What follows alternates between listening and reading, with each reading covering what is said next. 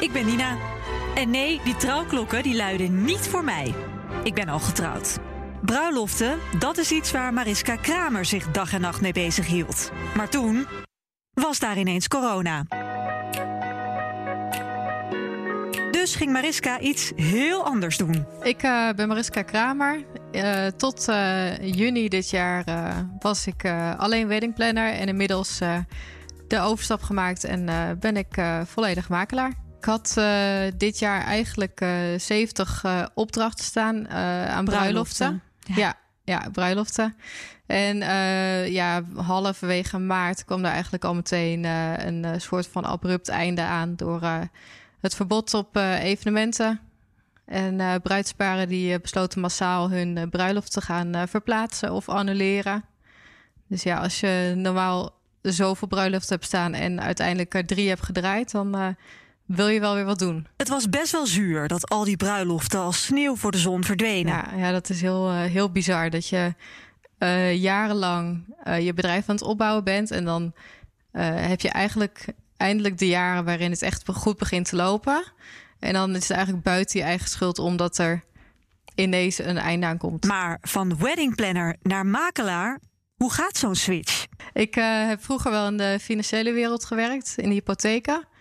En via een oud werkgever van mij uh, kwam ik dus uh, terecht bij, bij de oproep voor zelfstandig makelaars in opleiding. En dat klonk me eigenlijk al meteen wel, wel erg leuk.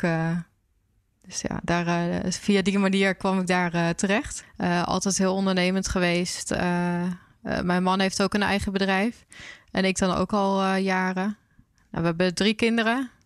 En die gaan naar, naar de basisschool. Dus ik uh, kreeg al echt nachtmerries bij het idee dat ik ze naar school zou brengen en dan uh, koffietijd zou zitten kijken. Huh. Dat, uh, ja, dat, daar word ik echt niet gelukkig van. Als makelaar verdien je natuurlijk wel net wat meer. En wat zijn de financiële vooruitzichten? Want je zegt met een, een goed jaar bruiloft verdien ik echt wel 35.000 euro. Ja. Is dat in de makelaarswereld een heel ander salaris of vergelijkbaar? Ehm, nou, in de Minder? makelaarswereld ziet dat er allemaal wel iets rooskleuriger uit. Hm. Ja. Dus als het goed is, als je straks een uh, echt totaal ervaren volleerd makelaar bent. Ja. Dubbele cijfers? Uh, ja, minimaal wel. Minimaal? Ja. Oh, je gaat gewoon naar een bedrag met uh, drie nullen. Ja, dat is wel het doel. nice. Maar daar heb je wel flink wat geduld voor nodig. als makelaar zijnde word je eigenlijk pas betaald op het moment dat je klant daadwerkelijk de sleutel krijgt. Dus bij de notaris. Dus ja, ook daar uh, ja, gaat zo uh, een half jaar ongeveer overheen. Ja, en je bent pas in juni begonnen. Het ja. is nu uh, eind november. Ja. Dus wanneer komt het eerste geld binnen?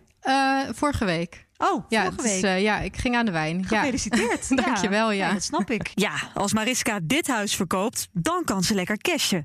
Het staat namelijk te koop voor 1,2 miljoen euro haar allereerste miljoenenpand. Dit huis is uh, 687 uh, vierkante meter groot van binnen. 687 vierkante meter groot.